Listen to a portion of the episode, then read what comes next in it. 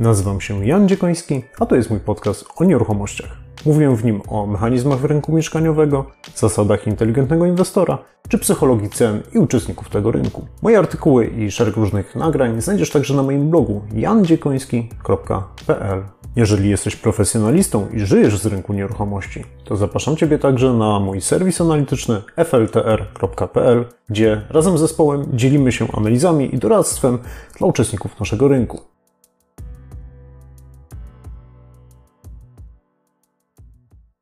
Cześć, witam Ciebie serdecznie na kanale Jan Dziekoński o nieruchomościach. Dzisiaj poruszymy temat, który od raptem kilku tygodni rozgrzewa prasę finansową, także i mainstreamową, mianowicie stagflacją. Bardzo dziwny termin. Ostatnio rozmawialiśmy o rosnących stopach procentowych, które wielu z Was zaskoczyły. E, dzisiaj mam dla Was taki trochę bardziej ekonomiczny materiał poświęcony właśnie e, zjawisku stagflacji. Chciałbym wyjaśnić, co to w ogóle jest. A to dlatego, że w najbliższym czasie będę mm, kręcił, a właściwie razem z Wami będę y, prowadził live pod tytułem W górę czy w dół, gdzie jest dzisiaj rynek nieruchomości. I nie chciałbym tam za dużo czasu poświęcać y, tematom ekonomicznym, dlatego postanowiłem nakręcić po prostu dedykowany, dedykowane nagranie poświęcone temu jednemu tematowi, który wydaje mi się, że no, w obecnym czasie może być bardzo um, interesujący i bardzo na czasie. Pierwsze pytanie, czy mamy w ogóle stagflację? Co to w ogóle jest? E, wiele osób z Was może sobie zadawać pytanie, czy w ogóle warto się e, jej bać, e, bo jakby czytając nagłówki prasy, które zaraz nawet zobaczycie, no można byłoby się co najmniej przestraszyć. Oraz pytanie zasadnicze dla mojego kanału, czy nieruchomości mnie obronią przed stagflacją? Stagflacja jest to, można powiedzieć, nawet taki leitmotiv być może po prostu trochę rozdmuchane. E, prasy, rynków finansowych, one nie lubią się nudzić, jak wiecie. I zarówno polskie media przewidują, czy już zadają pytanie, czy grozi nam stagflacja, czyli połączenie wysokiej inflacji i słabego wzrostu gospodarczego. Niektóre nazywają to koszmarem z lat 70. E, no i można powiedzieć, że jest ona stawiana na gorszej pozycji, czy jest straszniejsza niż e, inflacja. E, więc wiele różnych takich nagłówków można, można zobaczyć, można oczywiście dyskutować na ile e, przejmować się każdym, że tak powiem, krzykliwym tytułem e, w prasie. Natomiast w momencie, kiedy polski, można powiedzieć polityk, no bo Paweł Borys, prezes Polskiego Funduszu Rozwoju, stwierdza, że Polsce nie grozi stagflacja, no to moim zdaniem trzeba się już tematem zainteresować. Okej, okay. zacznijmy od początku. Stagflacja, tak jak już gdzieś tam padło, to jest połączenie dwóch terminów: stagnacji gospodarczej oraz inflacji. I e, nie chciałbym za dużo opowiadać o samej ekonomii, jak działają cykle. Wyjaśniałem to w webinarze w górę czy w dół w nagraniu z marca 2021. Więc jeżeli oglądacie e, to nagranie na YouTubie, znajdziecie link e, na ekranie. Będzie on też w opisie, także i na kanale Spotify, które w ogóle zapraszam Was serdecznie do, do subskrybowania obu mediów. Skąd w uproszczeniu się bierze inflacja? Bo to warto sobie wyjaśnić na sam początek. Inflacja to jest takie zjawisko, w którym rosną ceny i niektórzy to tłumaczą w ten sposób, że podaż pieniądza, dostępna ilość pieniądza w gospodarce rośnie szybciej, aniżeli liczba dóbr. Jak podzielimy więcej pieniądza przez tą samą albo trochę mniejszą e, niż e, pieniądza ilość e, dóbr, no to powinna rosnąć ich cena. Ale jak to tak naprawdę działa w rzeczywistości? Wyobraźmy sobie jakiś kraj, gospodarkę, Unię Europejską, świat, cokolwiek. Wyobraźmy sobie, że w pewnym momencie coś, nas, coś, e, jakiś czynnik powoduje wzrost popytu, bo na przykład zmieniają się przepisy, stają się uproszczone, które ułatwiają na przykład funkcjonowanie firmom, a może są zmniejszane podatki, a może są zwiększane wydatki publiczne, na przykład na drogi, czy, czy autostrady, czy mm, linie kolejowe itd. Tak a może następuje obniżka stóp procentowych. Jakikolwiek czynnik, który powoduje generalnie zwiększenie zapotrzebowania firm i osób prywatnych, zwiększających konsumpcję e, i popyt na dobra i usługi. To może być oczywiście też popyt na przykład państwa właśnie na, na e, te, te autostrady, o których mówiliśmy. Zwiększenie popytu już nie pokazując, miałem takie przygotowane wykresy popytu i podaży, ale stwierdziłem, że to może już trochę byłaby przesada i to byłby taki wykład akademicki. Ale większość z Was pewnie jakoś tak czuje pismo nosem, że mm, jeżeli rośnie popyt, to po pierwsze trzeba wyprodukować te dodatkowe usługi i dobra, więc spada bezrobocie. Bo w większości przypadków, oczywiście nie jest tak zawsze, zwiększenie popytu wymaga nie tylko zaangażowania większej liczby materiałów, ale też innymi bezrobocia. Wzrost, spadek bezrobocia, wyższy popyt na pracę generuje mniejsze albo większe, to trochę też zależy od sytuacji rynkowej, ale jakiś tam wzrost wynagrodzeń albo przyspieszenie tempa tego wzrostu. No i łącznie, jeżeli do kupy sobie złożymy kilka czynników, rosnące pensje, z reguły też rosnące koszty materiałów, generalnie wyższy popyt po prostu generuje wyższe koszty produkcji, to akurat właśnie ta krzywa podaży, której już tutaj nie pokazuje e, tłumaczy, powoduje to wzrost cen. Inflację. Ale e, tak jak zobaczyliście w tych krokach tutaj, oznaczają one, po, można powiedzieć, pośrednio też to, że jakieś osoby mają więcej wynagrodzenia, firmy też więcej zarabiają, bo realizują wyższy popyt. Okazuje się, że te podmioty powiedzmy mają więcej pieniędzy do wydania, więc też zwiększają swój popyt i gospodarka się rozwija. I to jest tak zwana pętla zwrotna, która powoduje, że ten cały mechanizm e, się napędza. Oczywiście do pewnego momentu, o tym było w tym nagraniu, o którym wspominałem. Przeciwieństwem inflacji jest e, deflacja. Deflacja to jest sytuacja no, totalnie odwrotna, czyli spadające ceny. No i tutaj nie ma co się za, za bardzo rozwodzić. Odwrotna mm, kolejność rzeczy. Czyli z jakiegoś powodu spada nam popyt. To są zwiększane podatki, rosną stopy procentowe, e, spadają wydatki publiczne.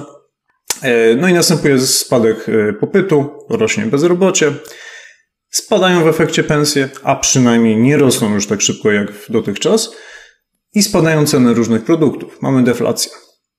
I znowu pętla zwrotna powoduje, że ten mechanizm jakby przekłada się dalej. E, cykle polegają na tym, że no, ten, ten mechanizm w pewnym momencie się zatrzymuje, bo jest na tyle tanio, na tyle tani są pracownicy, na tyle są tanie materiały i produkty, że no, w pewnym momencie następuje jakiś taki punkt przegięcia, nazwijmy to, i wracamy do inflacji. Rolą y, Narodowego Banku Polskiego i Rady Polityki Pieniężnej jest stabilizowanie tego mechanizmu, żeby delikatnie inflacja przewyższała, yy, przewyższała zero, dlatego że generalnie przyjmuje się, że inflacja co do zasady jest zdrowa, no ponieważ jak tak widzieliście na tym poprzednim mechanizmie, no inflacja sprzyja po prostu niskiemu bezrobociu. To tłumaczy też krzywa Philipsa, której też wam nie będę pokazywał. E, I do lat 70. było, było takie, no, przyjmowało się, że um, dzięki wysokiej inflacji, dzięki temu mechanizmowi są niskie, e, jest niskie bezrobocie oraz wysoka dynamika wynagrodzeń. Ale o tym zaraz. Żeby inaczej sobie to uzmysłowić, wyobraźcie sobie samochód, którym mamy wiecie, ten cały kokpit, mamy zegary, niektórzy mają jeden, niektórzy mają dziesięć, ale wyobraźmy sobie taki prosty, w którym są dwa zegary. Po lewej mamy obrotomierz, e, dynamikę PKB, czyli tą prędkość popytu, pręd, nie wiem, można powiedzieć przyspieszenie y, właśnie tej gospodarki, a po prawej mamy prędkościomierz, czyli inflację, czyli to jak ta gospodarka jest rozgrzana czy też nie. Jeżeli dodajemy gazu, to rozumiecie, że powoduje to przyspieszenie samochodu, rośnie nam szybko PKB e, i to powoduje, że prędkościomierz, ta wskazówka prędkościomierza powolutku tam się odgina do przodu, e, bo przyspieszenie powoduje wzrost prędkości. Jeżeli wciśniemy hamulec, no to oczywiście prędkościomierz też, e, sam się zakręciłem w tym wszystkim. Obrotomierz szybko zaczyna spadać, mamy ujemne przyspieszenie, czyli hamujemy, no i w efekcie też inflacja powolutku się tam zwija w dół. Jak to wyglądało w ogóle historycznie? E, pokażę Wam ten mechanizm na mm, tym wykresie. To jest 25 lat polskiej gospodarki w jednej pigułce. Może być skomplikowane, ale zaraz Wam pokażę, używając kilku uproszczeń, e, jak to wszystko działało. Słuchajcie, lata 90., druga, druga połowa lat 90. to w ogóle był okres hamowania. Bo mieliśmy, e, no, polska gospodarka jakby po tym takim boomie trochę i, reformach początku lat 90. w drugiej połowie wpadła w taką zadyszkę. I to widzimy właśnie na tym wykresie, że rosło bezrobocie, e, spadały, znaczy dynamika wynagrodzeń spadała, spowalniało też, e, spowalniał wzrost PKB, inflacja też hamowała. Tam po drodze były na przykład podniesienie stóp procentowych, które między innymi wywołało ten efekt. I na początku lat 2000 stopniowo zostały obniżone stopy procentowe. Polska gospodarka przygotowała się do wejścia do Unii Europejskiej, co wydarzyło się w 2004 roku. No i zauważcie, że od tego czasu mieliśmy okres takiego przyspieszenia. Też sprzyjały zewnętrzne warunki, rozwój na przykład Chin czy, czy, czy Indii, które też napędzały generalnie światową gospodarkę. No i w tym okresie spadało bezrobocie, rosło PKB, rosła inflacja, rosły wynagrodzenia. No ale oczywiście, tak jak mówiłem, niestety nic nie trwa wiecznie. Przyszedł akurat zupełnie niezawiniony nam e, kryzys e, finansowy, globalny e, kryzys finansowy, Global Financial Crisis w 2008 roku, który akurat w Polsce też się złożył z podwyżką stóp procentowych. No i mieliśmy znowu okres hamowania, bo znowu wzrosło bezrobocie, dynamika wynagrodzeń mocno spowolniła, PKB też, jakby dynamika PKB też spowalniała. Akurat Polska z tego kryzysu nie wyszła y, najgorszą, że tak powiem, w najgorszej sytuacji. Po drodze mieliśmy też Euro 2012, które tam przez chwilę y, trochę dopomogło e, zarówno gospodarce, jak i no, też zwiększyło inflację. No ale ten okres 2013-15 już skończyliśmy w ogóle deflacją. No i wreszcie właśnie to euro, 13-15 mieliśmy obniżkę stóp procentowych, kilka reform gospodarczych, duży napływ inwestycji z zagranicy też do Polski które uruchomiły znowu okres takiego przyspieszenia. Czyli znowu widzimy y, niebieska linia, przyspieszenie dynamiki PKB, spadające bezrobocie, rosnące wynagrodzenia, no i wreszcie też w pewnym momencie i rosnącą inflację.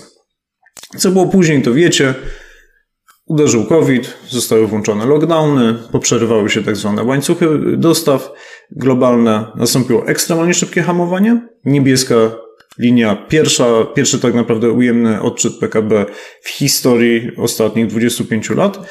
No i potem bardzo szybki strzał do góry, ponieważ zostały z jednej strony obniżone do zera stopy procentowe, no ale też szczepienia i pozwoliły na stopniowe odmrażanie gospodarek różnym um, państwom.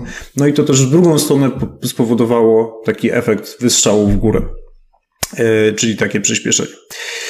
No i okej, okay. wszystko tu się zgadza na tym wykresie z tym, co mówiłem, ale zobaczcie, że w 2021 roku mamy sytuację, gdzie mm, yy, i w ogóle jeszcze w 2020 roku tak naprawdę mieliśmy taką sytuację, że mimo bardzo dynamicznego spadku PKB, zamożenia gospodarki, wstrzymały się wynagrodzenia, ale inflacja szła do góry. Czyli coś tu, coś tu do końca nie grało. E, no więc skąd może następować stagnacja inflacja naraz? Pierwszy raz o tym wspominał e, Ian MacLeod, to, jest, e, to był brytyjski e, poseł, który w 1965 roku w jakimś przemówieniu użył tego terminu. Natomiast pierwszy raz na żywo takie, takie określenie padło, znaczy zostało wykorzystane do opisania mm, pierwszego i drugiego kryzysu naftowego, które miało miejsce w latach 70. na całym świecie. Przede wszystkim w Stanach to było takie bardzo zbadane zjawisko, ale dotyczyło praktycznie całego świata. I to był taki okres, w którym y, nie dość, że ceny ropy po prostu skakały jak dynamicznie do góry, to y, problemem w ogóle była na przykład reglamentacja paliwa, ponieważ y, po prostu produktu było za mało na, e, na rynkach. E, w 73 w październiku OPEC wprowadził embargo na eksport ropy do krajów, które wspierały Izrael y, w ramach wojny Jom Kippur. Jak się domyślacie, OPEC to jest organizacja państw y, arabskich, no, które akurat w, w tamtym konflikcie raczej Izraela nie wspierały. W efekcie, słuchajcie, jeżeli dzisiaj ropa kosztuje około 80 dolarów za baryłkę, e, to słuchajcie, w 73 w połowie roku baryłka ropy kosztowała 3,5 dolara. Natomiast w ciągu dwóch lat to embargo spowodowało wzrost cen ropy do 12 dolarów. Z perspektywy dzisiejszej praktycznie nic, ale w tamtym czasie to był wzrost o 250%. To jest tak, jakbyście nagle zamiast y, zostawiać na, na Orlenie czy na innej stacji 200 zł, zostawialibyście 650, y, a prawie 700 zł tak naprawdę. Więc to były pieniądze, których oczywiście nie byliście w stanie mm, wydać w innych miejscach. E, ale tak naprawdę, no właściwie może i mieliście te pieniądze, bo po prostu nie byliście w stanie zatankować swojego samochodu. No ale jeżeli poszliście do, do jakiegokolwiek sklepu, czy w jakiekolwiek miejsce, gdzie chcieliście jakąś usługę nabyć, no to okazywało się, że ceny tych usług też rosły do góry, no bo każdy miał ten sam problem e, z paliwem. E, pech, pech chciał, że kryzys naftowy wrócił bardzo szybko, bo mm, po stabilizacji mniej więcej w 1975 roku W roku 79 e, nastąpiła rewolucja e, w Iranie i spadł eksport ropy z tego kraju. No i ropa znowu w dwa lata zdrożała o kolejne 150% z 15 dolarów do 37. E, później był okres e, z takiej e, względnej stabilizacji od lat 80, mniej więcej od 85. Dopiero w roku 2000 ceny ropy zaczęły, przebiły ten poziom 40 dolarów i tak naprawdę poszły do poziomu 80 albo nawet i 100 ponad 100 dolarów za baryłkę. Natomiast jeżeli popatrzymy na tą czerwoną linię tej dynamiki procentowej cen, to te skoki już nie były tak e, wyraźne, może poza rokiem 2000. A to wynikało z tego, że mm, to nie był szok podażowy, tak jak te pierwsze okresy, lata 70. to były tak zwane szoki podażowe, czyli nagłe ograniczenie podaży, wzrost kosztów. Natomiast w latach 2000 to było już połączenie dwóch czynników. Z jednej strony wysokiego i szybkiego wzrostu popytu, właśnie takich krajów jak Chiny i Indie, które w tamtym czasie e, bardzo dynamicznie zwiększały swoje zapotrzebowanie na ropę, a z drugiej strony już nie tak szybkiego jak e, wiele dekad wcześniej wzrostu produkcji ropy. No po prostu te najprostsze zboża e, właśnie gdzieś tam pod pustynią no, zostały wyczerpane i w tym czasie jakby konieczne było już e, sięganie na przykład po e, ropę w trudno dostępnych miejscach, na przykład na, na szelfie kontynentalnym czy w Zatoce, mm, Zatoce Karaibskiej, więc generalnie to powodowało, że to już nie, jakby te koszty produkcji już były wyższe i faktycznie dość racjonalny był ten wzrost cen. On już nie był taki dynamiczny.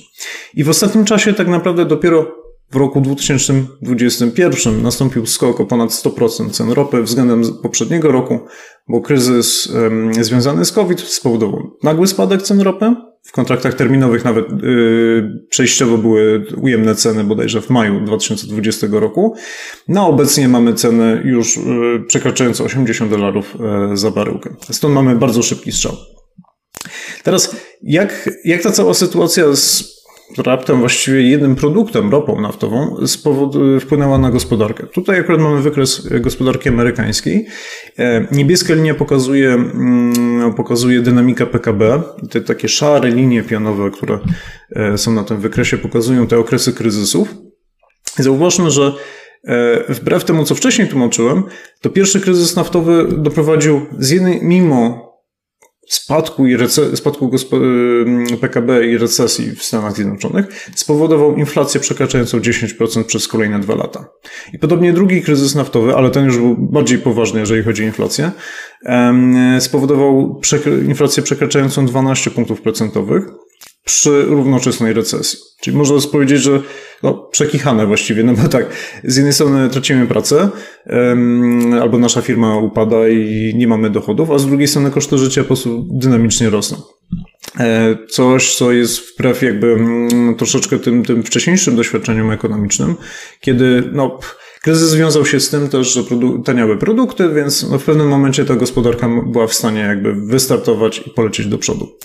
E, tutaj, wbrew dotychczasowej wiedzy, no niestety rosło bezrobocie, e, rosły koszty, więc no, mieliśmy bardzo duże problemy. Ten wykres akurat pokazuje, jak też e, zachowało się bezrobocie w tym czasie w Stanach Zjednoczonych.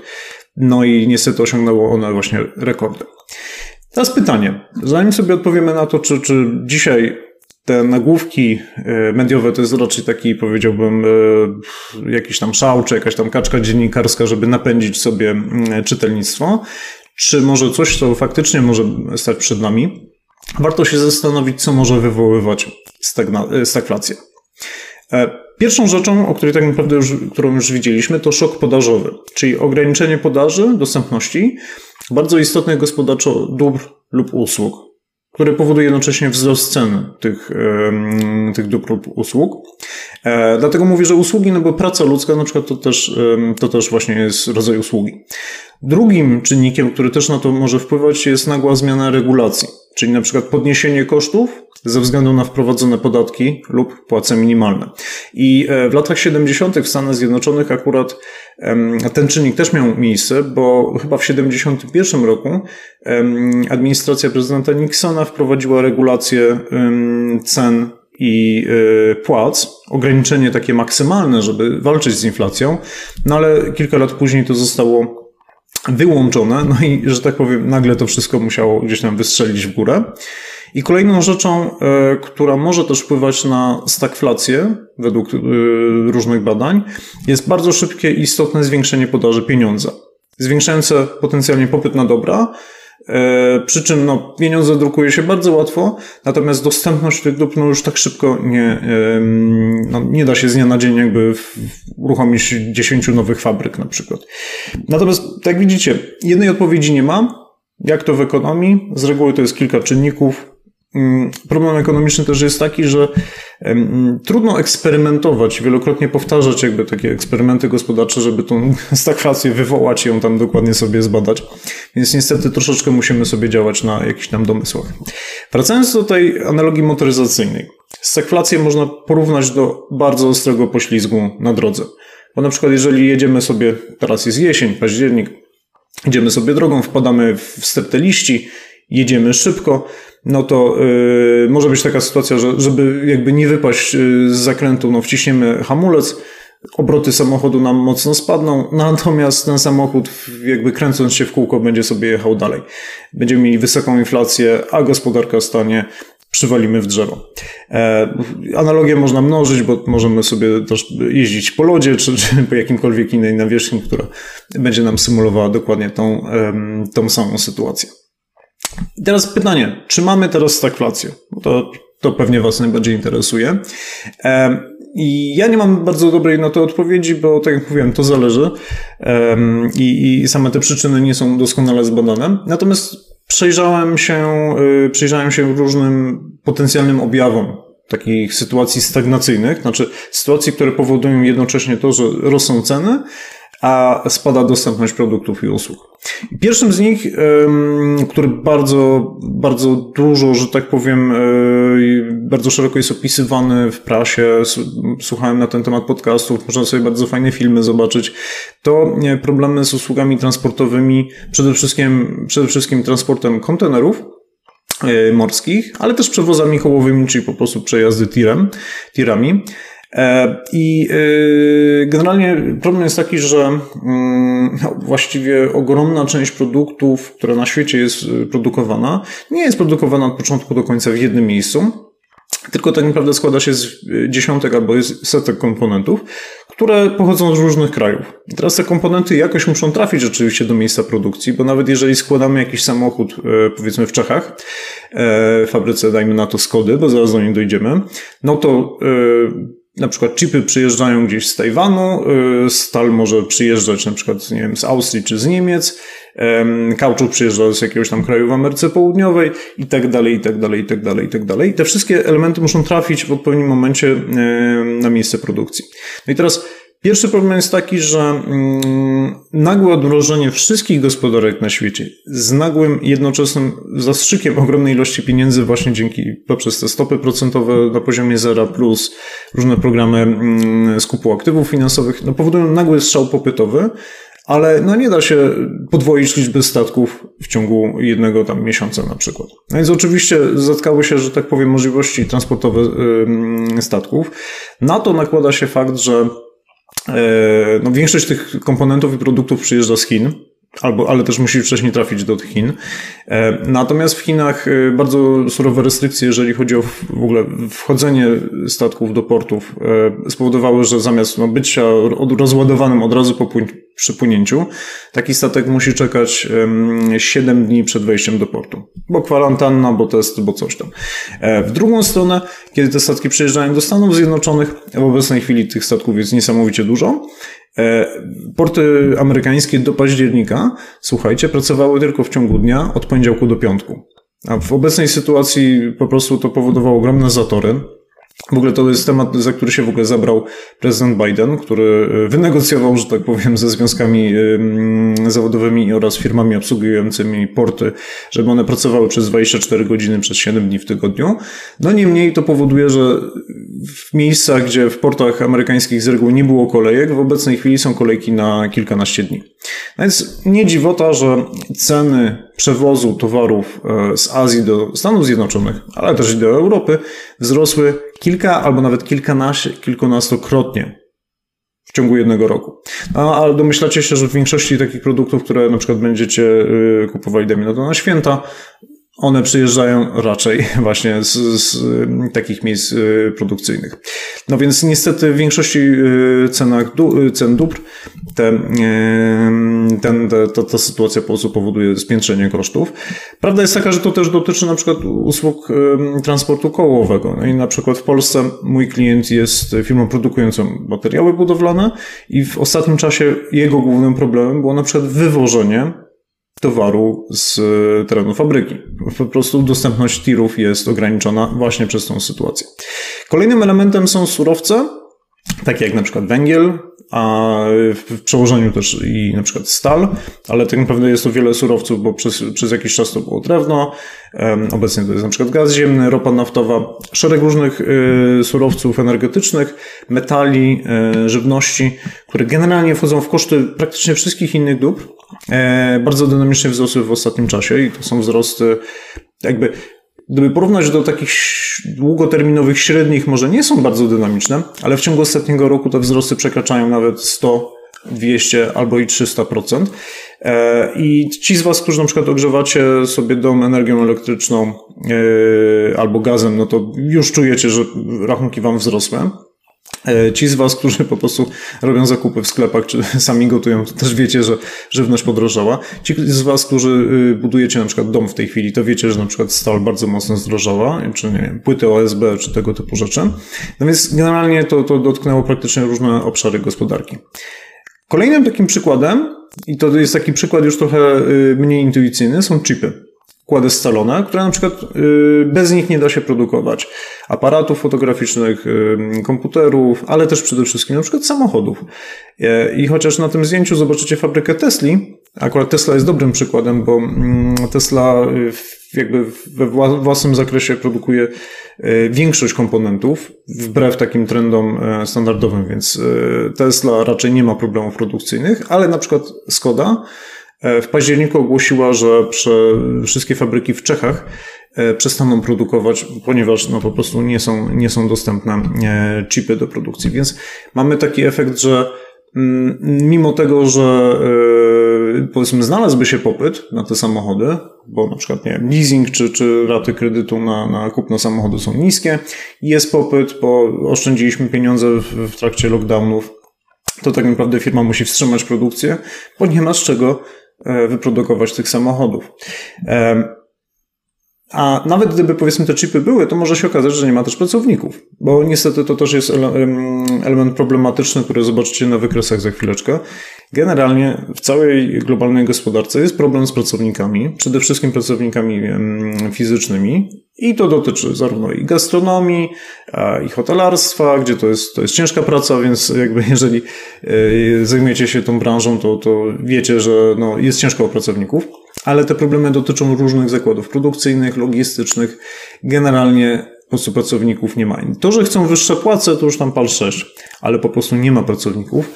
No i w efekcie też nie mam, na przykład zakłady produkcyjne nie mają możliwości e, jakby obsadzenia wszystkich zmian e, produkcyjnych.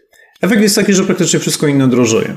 I to, że drożeje, Okej, okay, no to powiedzielibyście, no tak, ale no będziemy w takim razie my jako pracownicy oczekiwać wyższych płac od naszych pracodawców, ponieważ no, jak nie ma pracowników, jakby podaż pracowników jest niewielka, no to w takim razie ja bez problemu dostanę podwyżkę.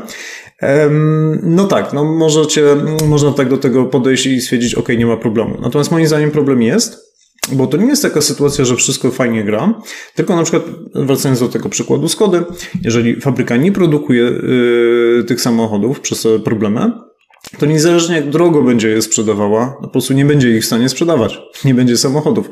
Jeżeli nie produkuje samochodów, pracownicy nie pracują, nie dostają dodatków, nadgodzin. W pewnym momencie może się okaże, ok, tak duży jest ten problem z chipami, że zamiast trzech fabryk, to będziemy mieli dwie. Jedną zamkniemy, zwolnimy 2000 pracowników. dlatego problem mm, stagflacji jest tak istotny, ponieważ on nie tylko dotyczy kwestii cenowych, ale powoduje, że e, po prostu nie, nie są zawierane transakcje, nie jest generowany dochód w gospodarce, ludzie nie zarabiają, e, mogą tracić pracę, a po drugie, no te bardzo dynamicznie rosnące ceny niektórych produktów, z reguły podstawowych, powodują, że macie mniej pieniędzy w swoich kieszeniach. Musicie oszczędzać. I to już niestety też widać we wskaźnikach ekonomicznych. Popatrzmy na nie. Zacznijmy od Unii Europejskiej. E, gdzie właśnie w 2021 roku odczyt inflacji pokonał praktycznie e, wyniki z ostatnich 10 lat, czyli mamy w Unii Europejskiej, w strefie euro i w całej Unii inflacja przekroczyła poziomy po prostu z ostatniej dekady. E, natomiast inflacja to jest małe piwo, bo ona tam wyniosła w Unii około 3%, ponad 3%. Natomiast dynamika cen E, cen producentów, czyli właśnie firm, które produkują różne dobra, w roku 2021 wyniosła w październiku ponad 10%. Ponad 10% wzrostu cen produktów, które wychodzą jakby z fabryk. No i niestety to, to jest ten objaw bardzo dynamicznego wzrostu kosztów właśnie produ produkcyjnych, które no, potwierdzają, można powiedzieć, e, problemy stagflacji. E, efekt jest taki, że Y, o, przeskoczyłem kilka slajdów za bardzo. Efekt jest taki, że mm, na tym wykresie akurat widzimy produkcję przemysłową, też właśnie strefa euro, Unia Europejska i e, po y, lockdownach, które miały miejsce w drugim kwartale 2020 roku, gospodarka w trzecim kwartale, powiedzmy, wróciła prawie do normy, a już od 2021 roku, od początku e, weszła na takie normalne tory. Natomiast powolutku ten wzrost we wrześniu już doznał, powiedzmy, dużego szoku, bo gospodarka, e, produkcja w strefie euro spadła o ponad 1 punkt procentowy. E, przepraszam, o ponad 1%. I e, efekt niestety, przynajmniej dla ekonomistów, którzy śledzą jakby ten, tą gospodarkę, no to jest sygnał, że no niestety nie jest dobrze. I czynnikiem, który, czy wskaźnikiem, który dobrze to pokazuje, jest tak zwany wskaźnik koniunktury, PMI w przemyśle w Unii Europejskiej. To jest sposób wskaźnik budowany w ten sposób, że mm, są ankietowani co miesiąc menedżerowie, którzy odpowiadają za zakupy materiałów, usług do firm, bo oni najlepiej wiedzą, ok, jeżeli rośnie ilość kupowanych materiałów, nie ma problemów w ich uzyskiwaniu, no to znaczy, że wszystko się fajnie kręci. Jeżeli są jakieś problemy, no to te odczyty są coraz niższe. Tutaj możemy zobaczyć, że oczywiście COVID spowodował, że to tąpnęło w ogóle do najniższego poziomu e, tak naprawdę chyba w historii, e, ale ten poziom w ogóle przed, przed pandemią też nie był najlepszy. E, obecnie w ostatnich tam powiedzmy pół roku był bardzo duży poziom optymizmu, ale ostatnie trzy miesiące to jest stopniowe obsuwanie się tego wskaźnika PMI. Więc to, to już pokazuje wyprzedzająco, że przynajmniej w firmach produkcyjnych jest coraz gorzej. Wspominałem też o problemach z pozyskiwaniem pracowników. Ten wykres akurat pokazuje Stany Zjednoczone, gdzie też są problemy na przykład z realizacją produkcji, są problemy z dostępnością różnych dóbr i produktów, dóbr i usług. E, ten wykres pokazuje e, linią niebieską tak zwane JOLTSy. JOLTS to są łączna liczba otwartych mm, stanowisk pracy, czyli powiedzmy zapotrzebowanie na pracę, a linia czerwona e, łączne bezrobocie. Stany Zjednoczone to jest akurat taki kraj, gdzie można z tygodnia na tydzień trafić na, na, na bezrobocie, więc jak uderzyła pandemia, yy, co widzicie tą szarą linią tutaj na, na środku, yy, bezrobocie wzrosło mniej więcej z 6 milionów do 24 milionów osób. Bardzo dynamicznie. To, to w, w krajach europejskich w ogóle to było nie, nie, niespotykane, ponieważ przepisy prawa są zupełnie inne, jeżeli chodzi o ochronę pracowników. No i oczywiście też spadła liczba otwartych stanowisk pracy. Natomiast ona bardzo szybko wróciła do mm, poziomu takiego praktycznie sprzed pandemii, a po uruchomieniu programów szczepień w styczniu 2021 zaczęła bardzo dynamicznie rosnąć i obecnie jest praktycznie dwa, około 11 milionów otwartych pozycji w całych Stanach Zjednoczonych. Dwa razy więcej, no, może nie dwa razy, 50% więcej niż yy, normalnie. To zauważcie, że to bezrobocie już praktycznie no, no nie wróciło do poziomu powiedzmy sprzed pandemii, ale już jest spokojnie poniżej poziomów takich sprzed kryzysu na przykład finansowego. E, ale tej liczby po prostu otwartych stanowisk nie ubywa. I to też widać w kolejnych statystykach. Co to oznacza? Mimo to, że mm, firmy jakby zgłaszają zapotrzebowanie na pracowników, bo mają popyt, chcą się rozwijać, chcą się rozbudowywać, to ten popyt nie jest zaspokajany, bo już nie ma komu pracować. Amerykanie akurat y, mają kilka wyjaśnień na, na to zjawisko. Jedno z nich to są, to po prostu są ciągłe obawy przed koronawirusem, który ciągle mimo wszystko no, jest jakimś tam zagrożeniem I, i faktycznie w badaniach w Stanach Zjednoczonych wychodzi, że część osób po prostu z tego powodu nie wraca na rynek pracy. E, część osób po prostu oczywiście nie jest jakby kwalifikowana do tych otwartych pozycji, które są e, w danej chwili potrzebne, więc to jest taki standardowy problem rynku pracy. E, a część osób po prostu zbyt, zbytnio się przyzwyczaiła do, mm, do finansowania, jakie państwo zapewniło w 2021 roku. Ma też dużo oszczędności, więc jeszcze też się nie śpieszy do pracy. Ale efekt na koniec dnia jest taki, że po prostu e, ta gospodarka już nie jest w stanie się tak rozwijać szybko, jak miała się rozwijać, a inflacja jest wysoka. Jak to wygląda w Polsce? Nasze wskaźniki ekonomiczne do końca jeszcze tego nie pokazują, ale badania koniunktury już pokazują pogarszanie się na przykład sytuacji w przetwórstwie przemysłowym. I na przykład na tym wykresie yy, mamy odczyt z października minus 6,3 nie wiem, co to znaczy, bo to jest jakaś skala względna, ale to jest, y, ten wskaźnik y, spadł y, z poziomu trzech punktów we wrześniu. Czyli w każdym razie się pogorszył i generalnie faktycznie produkcja przemysłowa głównie dostaje po tutaj wskutek tych wszystkich problemów jakby gospodarczych. E, handel detaliczny, tam też nastąpiło delikatne pogorszenie mm, w październiku, natomiast łączna sprzedaż w handlu detalicznym faktycznie spadła w ostatnich dwóch miesiącach, więc też nie jest różowo. I budownictwo na przykład to też jest taka branża, która boryka się z problemami rosnących kosztów i e, problemu dostępności pracowników. Więc to nie jest tak, że w Polsce jest super hura, tak jak yy, chociażby prezes Borys wspominał. No nie, wcale tak dobrze nie jest. I to pokazuje między innymi yy, ten wykres, który prezentuje liczbę zatrudnionych w sektorze yy, przedsiębiorstw. I o ile powiedzmy Rok 2020 to jest czerwona linia. Zaczynaliśmy z bardzo wysokim zatrudnieniem w tym sektorze, prawie 6,5 miliona pracowników. Pandemia oczywiście spowodowała zwolnienia, przerzucanie pracowników na bardziej elastyczne formy pracy. No ale to wszystko zaczęło się tam powoli odbudowywać do 2021 roku.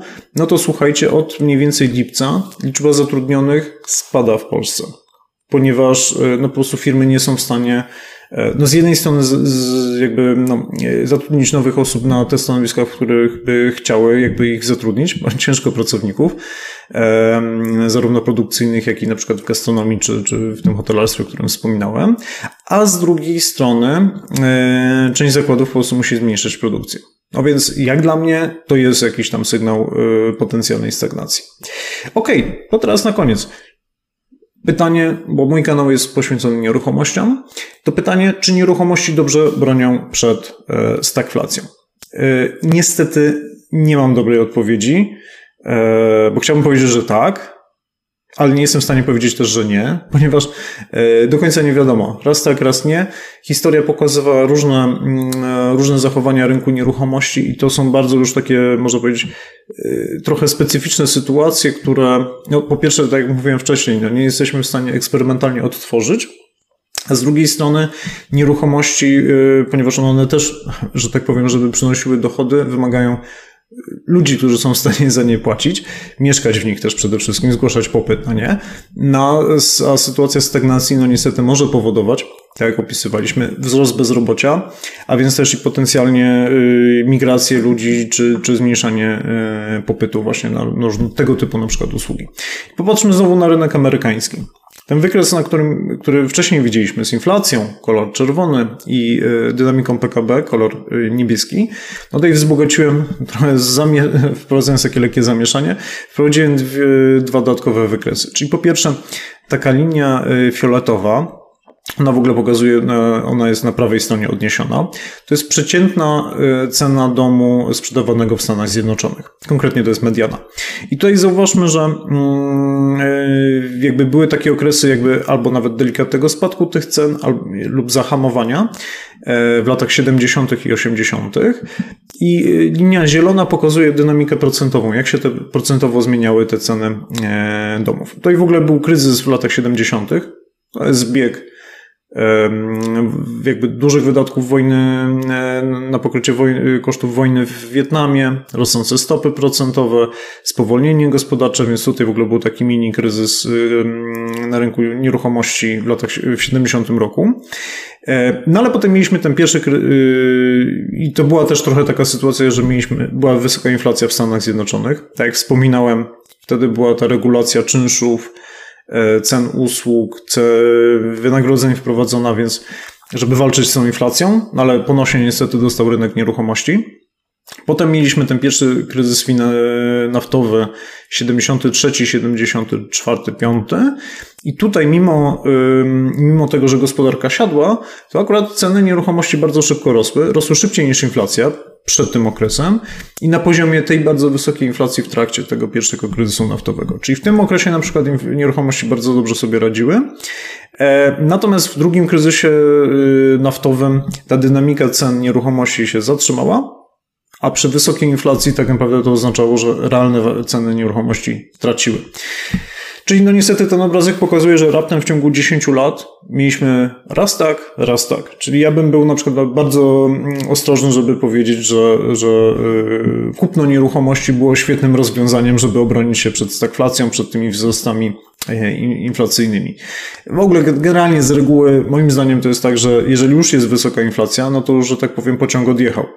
Te nieruchomości trzeba było kupić przed nimi. Więc y, no cóż, takie jest moje zdanie, te wykresy troszeczkę to potwierdzają. Z drugiej strony pokazują, że nawet gdybyśmy kupili w tym 74 roku nieruchomość, no to przynajmniej wyszlibyśmy na zero.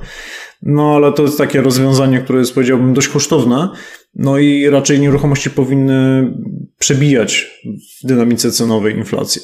No niestety tutaj przynajmniej wyhamowały, no nie było tak źle, no ale już w kolejnym kryzysie, że tak powiem, sobie nie poradziły.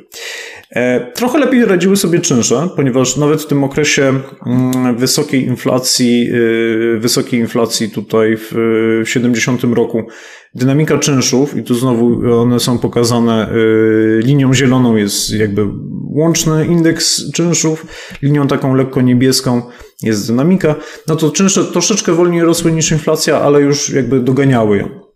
Natomiast przy tych spadkach cen, no tak naprawdę ten, ten okres no, był słaby dla nieruchomości.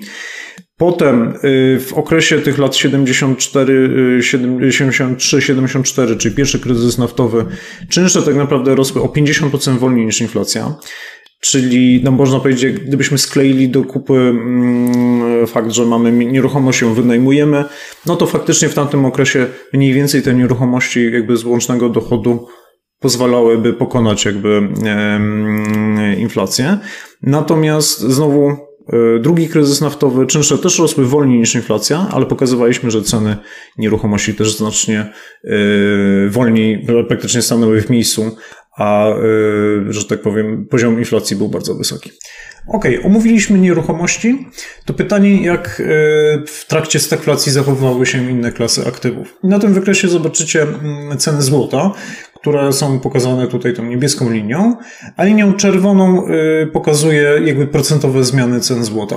E, I łatwo zauważyć, że zarówno w pierwszym, jak i w drugim y, kryzysie naftowym ceny złota znacząco pobijały jakby wzrosty inflacji. Bo jeżeli inflacja sięgała powiedzmy tych 10 czy 12%, to ceny złota wzrosły w, tym okresie trochę podobnie jak ropa o 200, 250% w tym okresie. E, I faktycznie złoto bardzo dobrze w, w trakcie stagflacji radziło sobie z, jakby, można powiedzieć, ochroną przed inflacją, czy nawet pobijaniem tej inflacji. Natomiast, no, przestrzegałbym może przed takim, powiedzmy, od razu przyjęciem, że to jest najlepsza metoda obrony przed, przed stagflacją, ponieważ lata 70. Mm, tym się różniły od dnia dzisiejszego, że e, po pierwsze, w tamtym czasie, w 1971 roku, prezydent Nixon zniósł wymienialność złota na, na dolary i vice versa i stały kurs dolara do, do, do złota. I to uwolniło też wartość, jakby cenę złota, jakby w tamtym okresie. I faktycznie drukowanie pieniędzy w okresie stagflacji spowodowało faktycznie taki wystrzał cenowy złota, e, ale też była pewna zmiana regulacyjna. Ponieważ ona od 50 lat już jakby nie, nie, nie, nie uległa zmianie, e, trudno powiedzieć, że, że dzisiaj e, złoto zachowa, zachowuje się, czy będzie się zachowywało bardzo podobnie, no ponieważ już jakby tej zmiany regulacyjnej nie ma. Druga różnica jest taka, że dzisiaj mamy setki albo właściwie tysiące kryptowalut, które przez wiele osób jest, są traktowane jako taka alternatywa, jako tak zwane cyfrowe złota, która też po prostu ma pewną, można powiedzieć, ograniczoną podaż, i e, jednocześnie no, nie, nie jest sterowane przez jedno konkretne państwo. Stąd jakby, że jakby jest taka opinia, że e, to jakby kryptowaluty mogą te same funkcje i cechy co złoto pełnić. I faktycznie, no, czyli jestem przekonany, że dość duża ilość pieniędzy jakby ląduje na rynku kryptowalut i może być tak, że mm, dzisiaj to złoto już w mniejszym stopniu będzie tak dobrze sobie radziło y, z takim okresem stagflacyjnym, gdyby on y, miał nastąpić. Czy tak będzie? Tak jak to wcześniej mówię, no nie wiadomo. Ja osobiście w kryptowaluty nie wierzę, chociaż dla żartu posiadam 30 dogecoinów. Może się kiedyś przydadzą. E, więc y, złoto i podobne powiedzmy aktywa tak się zachowywały. Jak się zachowała giełda w okresie stagflacji, jako znowu duża i szeroka klasa aktywów. E, no i tutaj niestety nie mam dobrej wiadomości dla, dla e, fanów inwestowania w akcje, ponieważ ze względu właśnie na e, ten stagnacyjny element stagflacji, czyli po prostu e, hamowanie gospodarki albo nawet recesja. Niestety w tamtym okresie, w latach 70., oba kryzysy naftowe i oba okresy stagflacji wiązały się e, albo z bardzo dynamicznym spadkiem na giełdach, albo co najmniej takim powiedzmy zatrzymaniem się w miejscu, czyli w ujęciu realnym e, erozją wartości. I tutaj na tym wykresie linią niebieską pokazuje indeks S&P. On zaliczył dołki w obu okresach, w obu kryzysach naftowych i nawet e, jakby uwzględniając dywidendę w tak zwanym Total Return Index, uwzględniając wypłacone dywidendy, one nie pokrywały powiedzmy wzrostu tej, tej szeroko pojętej inflacji E, na rynku. No więc niestety akurat rynki giełdowe nie były tutaj najlepszym rozwiązaniem w trakcie stagflacji, chociaż kupując faktycznie na dołkach y, w tym 74, no to w 75 na przykład tutaj inwestor byłby w stanie sobie spokojnie odrobić straty. Więc być może faktycznie rynki giełdowe są dobrym rozwiązaniem na po stagflacji. No ale cóż, najpierw ona się musi zacząć. No i wreszcie na sam koniec odpowiedź na pytanie, to z czym walczy się tak naprawdę ze stagflacją? Yy, powiedzmy tak, w latach 70. tym narzędziem walki były stopy procentowe, ponieważ jakby banki centralne w tamtym czasie, przede wszystkim tutaj Fed, bo linią niebieską tutaj pokazałem poziom głównej efektywnej stopy procentowej Fedu. Fed w ten sposób jakby walczył z tą rosnącą inflacją. W pierwszym kryzysie naftowym e, stopy procentowe były zwiększone do 10 punktów procentowych. Później przejściowo zostały obniżone do 5 w skali dzisiejszej niesamowicie wysokie wartości. Natomiast w drugim kryzysie naftowym mm, e, przewodniczący Fedu Paul Volcker bardzo zdecydowanie walczył jakby z inflacją i, i stopy procentowe przejściowo nawet przekraczały 15 punktów e, procentowych, a w całej dekadzie następującej po drugim kryzysie naftowym te stopy procentowe mniej więcej były utrzymywane w przedziale 7 do 10 punktów procentowych. Więc kompletnie inne, inne czasy i świat niż, niż obecnie. To pozwoliło faktycznie inflację utrzymać na, na obniżonym poziomie i faktycznie te stopy potem się obniżały. Ale faktycznie cała dekada lat 80 to był okres, kiedy mm, e, obligacje, czy też lokaty jako, jako jakaś tam alternatywa, ale przede wszystkim obligacje dawały bardzo wysokie dochody bieżące i można powiedzieć mm, pobijały inne aktywa e, powiedzmy na łeb na szyję. Co z tym dalej zrobić? Jakby podsumowując, stagflacja to jest no, no, zdecydowanie gorszy okres niż inflacja, która się wiąże y, z reguły z dobrą sytuacją gospodarczą. Stagflacja to jest taki okres, kiedy nie dość, że rosną dookoła koszty życia, czy koszty funkcjonowania firm, mamy jednocześnie y, stagnację albo recesję gospodarczą, rośnie bezrobocie, być może kurczą się wynagrodzenia, no i generalnie jest gorzej. Tak jak pokazywałem na, w różnych klasach aktywów, E, szczególnie w nieruchomościach. Odpowiedź nie jest jednoznaczna, która, które z tych aktywów są najlepszą obroną przeciwko y, stagflacji. Nieruchomości w jednym, w jednym kryzysie naftowym bardzo dobrze sobie radziły, w drugim kryzysie naftowym bardzo słabo sobie radziły, więc nie jest to jedyne, powiedzmy, uniwersalne rozwiązanie. I żeby powiedzieć, co dalej z tym zrobić, jak swoją strategię ukształtować, biorąc pod uwagę tych y, kilka różnych y, klas aktywów, a w szczególności właśnie nieruchomości, e, chciałbym Tobie zaproponować, żebyśmy się spotkali live, bo już w najbliższym czasie będę y, jakby na YouTubie będzie odbywała się trzecia edycja mojego takiego cyklicznego live'u w górę czy w dół, gdzie jest dzisiaj rynek nieruchomości. Czekam jeszcze na ostatnie dane z Narodowego Banku Polskiego, jeżeli chodzi o zmiany cen nieruchomości w trzecim kwartale 2021. Dopiero jak zostaną opublikowane, będę w stanie tak naprawdę przygotować ten materiał. Ale żebyś wiedział, e, że wiedział albo wiedziała, że w najbliższym czasie będzie właśnie ten webinar, zapisz się na mój newsletter albo zasubskrybuj mój kanał YouTube, żeby po prostu mieć możliwość wzięcia udziału na żywo, bo na koniec tego webinaru zawsze robię sesję pytań i odpowiedzi, więc mamy okazję też się trochę w dwie strony powymieniać e, opiniami e, albo po prostu przygrillować mnie przy mikrofonie. Żeby zapisać się na ten newsletter, e, link znajdziecie w opisie na, w opisie do tego nagrania, ale też możecie wejść po prostu na mój blog jandziekoński.pl na samym dole jest taka belka, y, na której znajdziecie y, link do, do możliwości zapisania się na ten newsletter, a zapisując się dostaniecie też bonus, mianowicie e, krótką prezentację, gdzie szukać danych o rynku nieruchomości i nie tylko, bo także o ekonomii, o finansach, czyli wszystkie te rzeczy, z których ja korzystam, dzielę się za darmo właśnie e, w tym, w tym materiale. Zapraszam Ciebie też do obejrzenia E, serii nagrań o długoterminowych trendach cenowych e, i cyklach na rynku nieruchomości, bo wiele rzeczy, które będę opowiadał na tym webinarze e, w górę czy w dół, to już, że tak powiem, będę przechodził do konkretów. Więc nie będę miał czasu na to, żeby znowu przynudzać i rozwlekle, że tak powiem, opowiadać o historii rynku nieruchomości.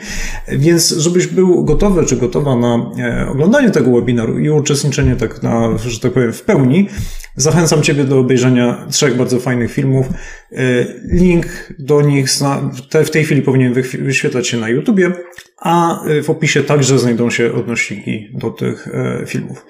I wreszcie na koniec dziękuję Tobie za obejrzenie tego trochę przydługiego, może trochę zbyt teoretycznego, może zbyt trochę takiego ekonomicznego nagrania, ale myślę, że to mm, jeżeli polscy politycy zaczynają już mówić, że temat nam nie grozi, ponieważ myślę, że to jest, ma, ma, bardzo duże znaczenie w takim razie e, dla nas, bo jakoś tak z reguły jest, jeżeli politycy mówią jedno, to jest dokładnie na odwrót.